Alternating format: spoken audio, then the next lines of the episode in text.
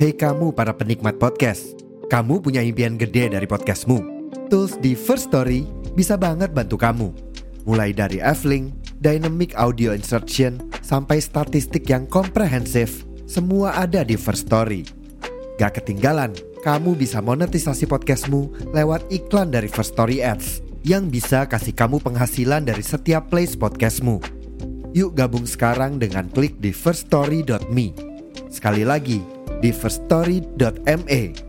Mari kita bawa mimpi podcastingmu menjadi kenyataan. Selamat pagi, siang, sore atau malam. Selamat datang kembali di Poskubot Podcast Aku Bacot.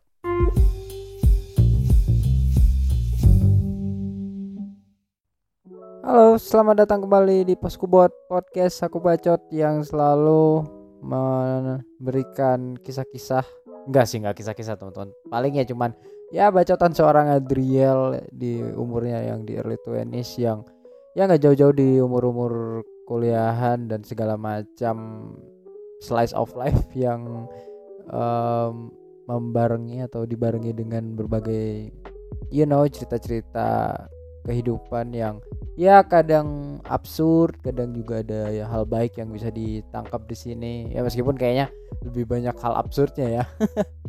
Tapi nggak apa-apa teman-teman yang jelas uh, semoga apa yang diceritain di sini bisa relate buat kalian dan bikin kalian gak sendiri. Dan ya uh, di waktu ini host Poskubot lagi berbagi ya karena emang uh, habis sidang ya teman-teman. Terima kasih loh doanya buat teman-teman yang uh, kemarin ada yang ngucapin ya uh, semangat ya meskipun biar kontennya lancar aja mungkin ya.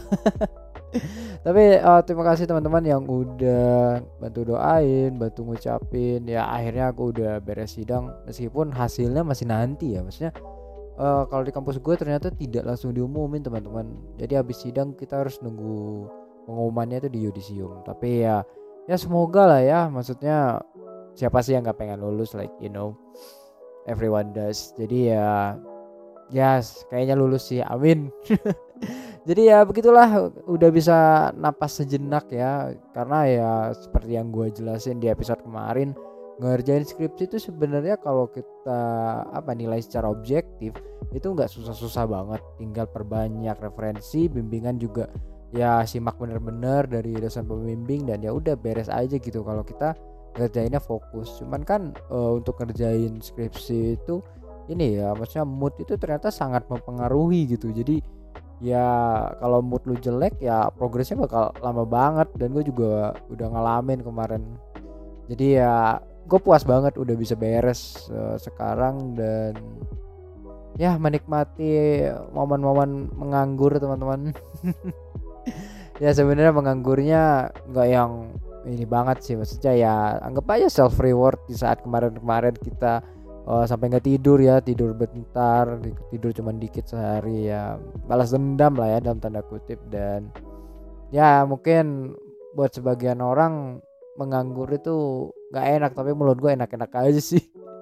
Jujur aja bisa bangun jam berapapun yang kita mau tapi ya nggak nggak terus-terusan seperti inilah. Ntar juga kalau uh, ada kerjaan pasti gue kerjain.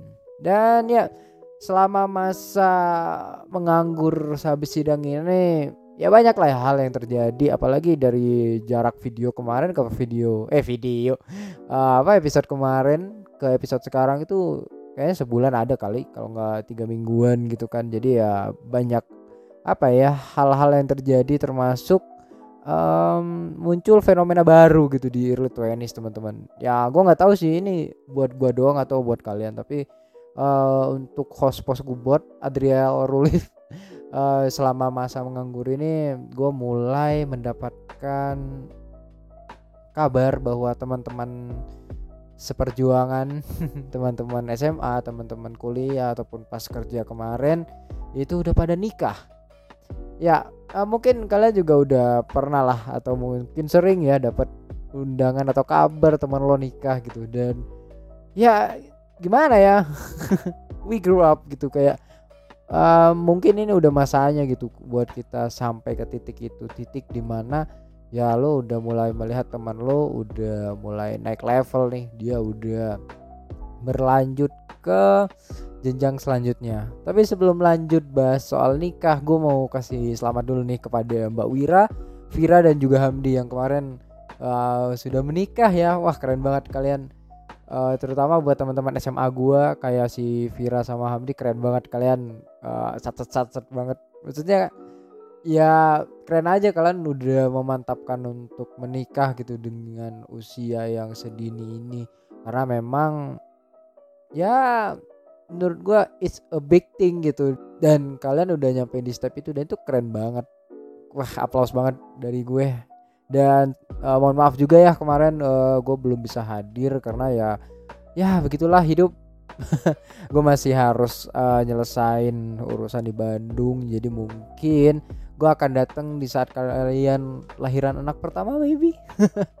Ya gue doain uh, semoga menjadi uh, pasangan yang sakinah mawadah dan warohmah. Semoga ke depannya juga kalian semakin lancar buat achieve goal yang baru bersama pasangan. Semoga semua urusan juga dilancarin. Dan juga Mbak Wira mohon maaf banget ya. Uh, kemarin juga itu bertepatan dengan sempro. Jadi ah gue kayaknya banyak ini nih banyak momen-momen yang hilang nih. Tapi terima kasih buat kalian yang masih inget gue gitu. Terutama Hamdi sama Vira ya. Karena uh, gue terakhir kontekan sama kalian tuh waktu masih SMA gitu. Itu udah sekitar 4-3 tahun lalu gitu dan kalian masih inget gue wow. Ya, gue apresiasi sekali kalian masih mengundang mau mengundang gue di situ. Dan ya ngomongin soal nikah ya teman-teman um, terutama teman gitu kayak momen pertama kita datang kondangan tuh it's a thing gak sih? Kayak biasanya kita ikut bapak mama kita gitu kan uh, ngintil aja dulu masih kecil dan sekarang kita diundang as a person gitu. Kita datang ke kondangan gitu kan dan kondangan teman sendiri itu menurut gua kalau pertama kali itu rasanya agak seru-seru aneh gitu lah. Jadi kayak wah akhirnya gue datang ke kondangan dan itu teman sendiri gitu. Beda lah rasanya di saat lu ikut kondangan tapi itu acaranya mak bapak lo gitu. Jadi ya beda aja. Apalagi uh, mungkin kalau pertama masih aman-aman aja lah ya masih happy happy tapi mungkin kondangan kedua ketiga dan seterusnya udah mulai bermunculan tuh. Ditanyakan kapan nyusul terus mana pasangannya dan ya itu sebenarnya udah pertanyaan template sih. Uh, kalau awal ditanyain sih masih excited ya kayak oh enggak tante. Enggak om. Masih mau fokus kuliah dulu masih mau kerja dulu. Terus juga oh iya nih pasangannya belum ada. Cuman lama kelamaan ternyata gue menyadari kalau pertanyaan itu annoying ya karena itu sangat repetitif gitu. Sama kayak lebaran. Nah kalau lebaran itu kan uh, kita ditanyanya kalau nggak semester ya ya pasangan gitu kan. Kayak pas lebaran nih semester berapa? Oh skripsinya udah bab berapa? Terus juga mana nih calonnya? Itu kan untuk ditanyain awal-awal sih oke okay lah ya. Cuman makin ke sini makin ditanya makin repetitif pertanyaannya nyebelin juga gitu. Jadi kayak ya itu adalah pertanyaan yang paling dihindari sih kalau gue pribadi ya. Jadi kadang uh, sengaja aja gitu bawa gandengan gitu biar nggak ditanya aja. Jadi kayak oh ini ya calonnya. Gue yain aja maksudnya biar tidak berlama-lama dengan pertanyaan itu gitu. Karena ya apa ya sering denger itu terus juga dengan lambat laun lu sering datengin kondangan kadang juga bikin FOMO gak sih? Kayak lu pengen nikah wah kayaknya seru deh kalau gue nikah gitu kan. Kayak wah kayaknya ini happy moment banget gitu. Karena ya lu sering datang gitu kan melihat euforianya. Tapi juga di satu sisi lu juga keinget kalau nikah itu juga banyak persiapan gitu. Jadi kayak gak kayak pacaran yang tinggal nembak dan PDKT gitu. Tapi kan banyak uh, proses yang harus lu laluin gitu. Kayak finansial juga lu harus stable di mana ya uh, di umur segini ya ini kepercayaan gue ya teman-teman. Maksudnya tidak sama dengan apa yang lu alamin atau teman-teman lo cuman untuk di usia-usia segini ya kita lagi berjuang gitu meniti karir. Jadi kayak umur 22 sampai 25 menurut gue ya itu zaman kita lagi digempur sama karir aja gitu. Kayak masih berkembang gitu. Jadi kayak gak semua orang bisa langsung banyak duit di umur 25 gitu kecuali emang lu dapat warisan banyak gitu kan ya. Ya setidaknya itu yang gue percaya. Tapi ya namanya jalan hidup kita nggak bisa samain gitu. Ada yang suksesnya baru umur sekian sekian sekian dan ada juga yang bahkan umur 19 udah punya bisnis sendiri udah settle dan itu juga ya apa ya kalau gue sih kalau udah settle terus mau nikah nah itu memang ya udahlah hayu gitu kan. Karena memang uh, finansial yang stable itu menurut gue bisa mengurangi masalah lain yang bakal datang gitu. Jadi ya paling tidak kalau finansial lo udah stable satu dua masalah dalam rumah tangga itu bisa dikurangin lah gitu. Jadi tinggal mikirin masalah lain gak nambah nambahin masalah. Karena memang ya gue belum mengalami sih tapi dengar cerita orang-orang terus juga gue nonton berbagai referensi ya memang uh, finansial itu sangat krusial ya teman-teman. Jadi ya kalau lu bisa memastikan itu stable ya silahkan gitu. Tapi kalau mau mencoba YOLO juga nggak apa-apa sih cuman ya alangkah baiknya tunggu stable dulu aja. Dan itu nggak tergantung umur lu berapa. Jadi ya nikah itu tidak apa ya tidak tergantung umur lu lah. Jadi kalau lu udah siap uh, soon enough ya let's go gitu. Nunggu apa lagi. Dan ya selain finansial juga of course mental ya harus siap gitu. Kayak ya nikah tuh kan sakral banget ya. Dan harapannya lu akan selamanya dengan pasangan lu. Nggak kayak lu pacaran bosen tinggal ganti gitu. Jadi ya mental lu juga harus disiapin gitu. Karena ya jujur aja untuk umur-umur segini uh, menurut pengalaman gue dan berdasarkan apa yang gue lihat di teman-teman gue ya umur-umur segini tuh masih young wild and free gitu. Dia masih pengen achieve something buat diri sendiri sendiri dia. Terus juga dia pengen men-challenge diri dia uh, untuk goals yang lebih tinggi lagi gitu. Jadi um, di usia-usia segini justru kadang banyak orang yang memilih untuk sendiri dulu karena buat mengembangin diri lah atau mencari ketenangan sekaligus ya membentuk mental lah. Karena pendewasaan itu nggak ada jaminan sih. Jadi kayak pendewasaan itu nggak lihat umur. Ada yang umurnya udah terbilang cukup tua tapi pemikirannya belum dewasa. Terus juga ada yang ternyata usianya masih belia tapi udah punya mental yang dewasa banget. Dan itu tidak tergantung dengan umur tapi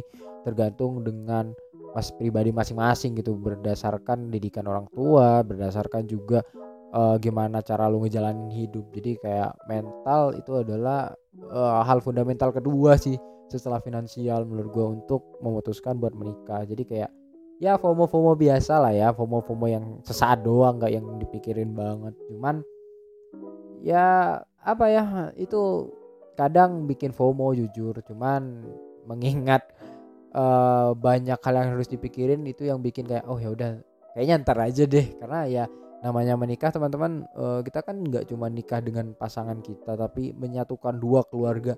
Dan ini tuh juga apa ya ini menurut gue juga berat gitu di saat di mana lu udah cocok nih sama pasangan lu tapi ada satu dua hal yang bikin nggak cocok di keluarganya gitu. Nah itu sering banget denger cerita-cerita begitu. Dan ya akhirnya itu juga masuk apa ya pemikiran gitu buat tidak buru-buru untuk seorang Adriel ya. Maksudnya kalau kalian ya udah dari kedua belah pihak oke okay, ya nunggu apa lagi gitu kan. Karena gue berpikir kayak kalau bisa sih soon enough ya as soon as possible. Karena memang kalau berdasarkan gue gue pengen di saat usia gue itu nggak terlalu tua gue tuh masih bisa main sama anak gue jadi misalkan anak gue udah beranjak dewasa gue nggak mau terlalu tua untuk bisa main bareng sama dia. Karena kalau di keluarga gue ya gue termasuk anak dari orang tuanya menikah muda. Kalau nggak salah eh, bapak gue tuh umur 21 kalau nggak salah ya waktu nikah dan umur 22 udah punya gue. Jadi sekarang itu uh, gue masih main sama bokap kayak misalkan gue kan sering mancing ya kita sering mancing bareng gitu di apa weekend terus juga kalau lagi jalan-jalan makan bareng jadi omongannya enak aja gitu dia orang tua yang bisa dijadiin temen gitu. Jadi karena apa ya uh, usianya mungkin ya karena nggak terlalu terpaut jauh juga karena memang ya kita nggak bisa memungkiri lah ya bertambahnya usia tuh fisik juga berpengaruh gitu. Dan gue bersyukur banget gitu bisa masih bisa beraktivitas main sama bapak gue gitu kayak mancing bareng itu adalah hal yang wah itu nggak bisa dibayar sih bro. Itu itu hal yang paling gue syukurin dah. Jadi um, gue punya pemikiran ya sebisa mungkin kalau memang uh, unsur-unsur kayak finansial mental dan keluarga udah oke okay, gue segerain sih. Karena ya gue nggak mau aja. Kayak anak gue baru ABG gue udah tua gitu udah nggak bisa main jauh udah nggak bisa uh, ya istilahnya hangout bareng lah dengan anak gue gue nggak mau. Cuman ya itu tergantung ya maksudnya pilihan tiap orang itu juga menyesuaikan. Jadi ya kadang yang menurut gue bener belum tentu cocok buat kalian. Tapi ya ya asal semuanya itu dipikirin wise lah secara wise bukan impulsif karena FOMO dan lain sebagainya. Karena memang apa ya gue merasa ada pride sendiri juga sih kayak akhirnya gue nikah gitu. Misalkan ya gue nikah cepet jadi ya semoga lah ya disegerakan. Tapi jujur gue belum mau sih maksudnya ya ya gue realistis aja di umur segini 20-an awal susah untuk settle dengan cepat. Jadi ya gue juga nggak mau membebani pasangan gue gitu. Karena ya namanya nikah e, menurut gue akan lebih baik di saat finansial itu settle balik lagi ke finansial ya. Karena uh, e, gue berpikirnya pasangan lu tuh udah dibiayain setengah mati gitu sama bokap nyokapnya masa lu tega sih uh, bikin dia uh, susah bareng gitu. Mungkin itu apa ya terkesan materialistis ya kayak nggak mau susah bareng. Tapi itu tergantung dari cara lu ini memandang itu sih. Karena memang kalau gue pribadi kayak kasihan bro uh, pasangan lu tuh apa ya diperjuangin banget sama orang tuanya dikasih yang terbaik. Masa lu mau ngajak susah? Kecuali emang uh, lu ngajaknya berkembang gitu merintis dari nol. Tapi kan uh, ngajak susah dan berjuang tuh berbeda gitu jadi kalau lu ngajak susah ya udah terkesannya lu effortless aja menghadapi nasib yang begitu. Cuman kalau berkembang kan itu dari bawah. Lu meniti karir dari bawah sampai kemudian settle punya anak dan lain sebagainya. Jadi ya menurut gua kenapa gua narok si finansialnya pertama karena itu gitu. Karena ya kan kita sebagai pengganti ayahnya nanti gitu. Terutama buat yang cowok-cowok ya. Jadi kayak ya kurang aja gitu kalau lu nikah tapi finansial lu belum stable kecuali emang lagi mau berkembang bareng itu nggak apa-apa. Kasihan juga tuh. Dan juga ya apa ya gue tidak tidak menilai uh, siap tidak nikahnya itu berdasarkan angka sih. Jadi kayak gue menganggapnya orang-orang yang di umur umur gue udah nikah berarti gue amazed gitu sama mereka. Karena di usia segini mereka udah bisa mempersiapkan diri menghadapi masalah-masalah dan persiapannya yang memang cukup banyak ya mental, finansial dan keluarga. Jadi ya gue sangat mengapresiasi sekali sih mereka yang berani untuk taking that chance gitu. Apalagi di umur segini mereka nikah, gue masih bingung ya mau bikin episode apa, mau mancing ke empang mana. Tapi nggak apa-apa teman-teman, uh, namanya hidup tuh bukan perlombaan. Yang mau nikah dan memang sudah siap di umur segini silahkan itu malah bagus gitu. Karena kalian uh, apa ya punya banyak waktu ke depannya uh, apa ya buat mempersiapkan dan lain sebagainya. Cuman yang memang untuk nikahnya yang late late twenties tapi ya nggak nggak apa apa juga gitu. Karena ya nikah itu bukan perlombaan. Dan ya mungkin biar lebih seru ya teman-teman gimana kalau kita coba undang teman-teman yang udah nikah nih di umur-umur yang seumuran gue lah. Atau mungkin teman-teman Hamdi atau Vira atau Mbak Wira mungkin bisa hadir di pos gue. Jadi kita datangin kita datangin nih teman-teman uh, testimoni dari yang baru-baru nikah. Terutama di umur uh, early 20 gitu. Apa sih yang membedakan mereka di saat nikah dan pacaran gitu? Soalnya uh, gue liatnya mereka mereka ini pacarannya udah lama gitu. Dan akhirnya menikah dengan orang yang lama sama mereka maksudnya pacar mereka dari lama gitu. Apakah ada perubahan atau ya karena emang udah lama udah sat, kenal satu sama lain jadi kayak ah ya udahlah sifatnya sama aja uh, nikah pas nikah pas pacaran soalnya gue udah lama sama dia. Atau mungkin ada perubahan yang hanya ada atau lu lihat di saat lu nikah gitu. Itu kan menarik ya teman-teman buat dibahas. Jadi ya ya mungkin di luar teman-teman gue yang udah nikah uh, kalian ada yang ingin bercerita ataupun sharing kepada pendengar Poskubot gue sangat welcome banget sih. Ya gue sangat berharap sih sebenarnya. Jadi kita bisa mendapatkan point of view yang banyak gitu. Jadi ya untuk diri kita mempersiapkan diri juga makin bisa dapat referensi. Dan ya mungkin gak lama-lama ya teman-teman karena ya ini cuman live update aja sih.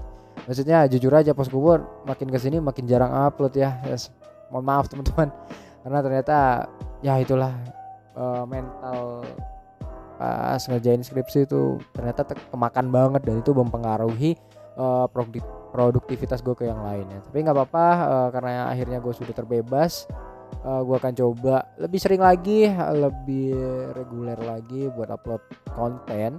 Jadi tunggu aja dan jangan lupa buat teman-teman yang uh, punya Instagram ataupun Threads bisa follow poskubat.podcast dan juga teman-teman yang dengerin di Spotify ataupun di platform lain bisa follow podcast Poskubot dan semoga ke depannya kita bisa makin men-encourage lah ya teman-teman uh, yang ngedengerin. Dan kemarin juga sempat gue bahas ada email ya dia cerita uh, dia sangat terbantu dengan mendengarkan Poskubot dalam kehidupan sosialnya. Jadi next kita bahas balik lagi soal social life ya. Gue bakal bacain email dari seseorang nih yang wah dia nulis nulis ceritanya panjang tapi masih teratur gitu keren banget orang-orang yang berani effort dan mau effort buat poskubot ya nulis sepanjang itu di email dan ya insya Allah gue bacain uh, mungkin ke depannya di next episode jadi tetap stay tune di podcast ini teman-teman karena ke depannya bakal banyak cerita-cerita yang makin menarik. Poskubot pamit undur diri. Peace out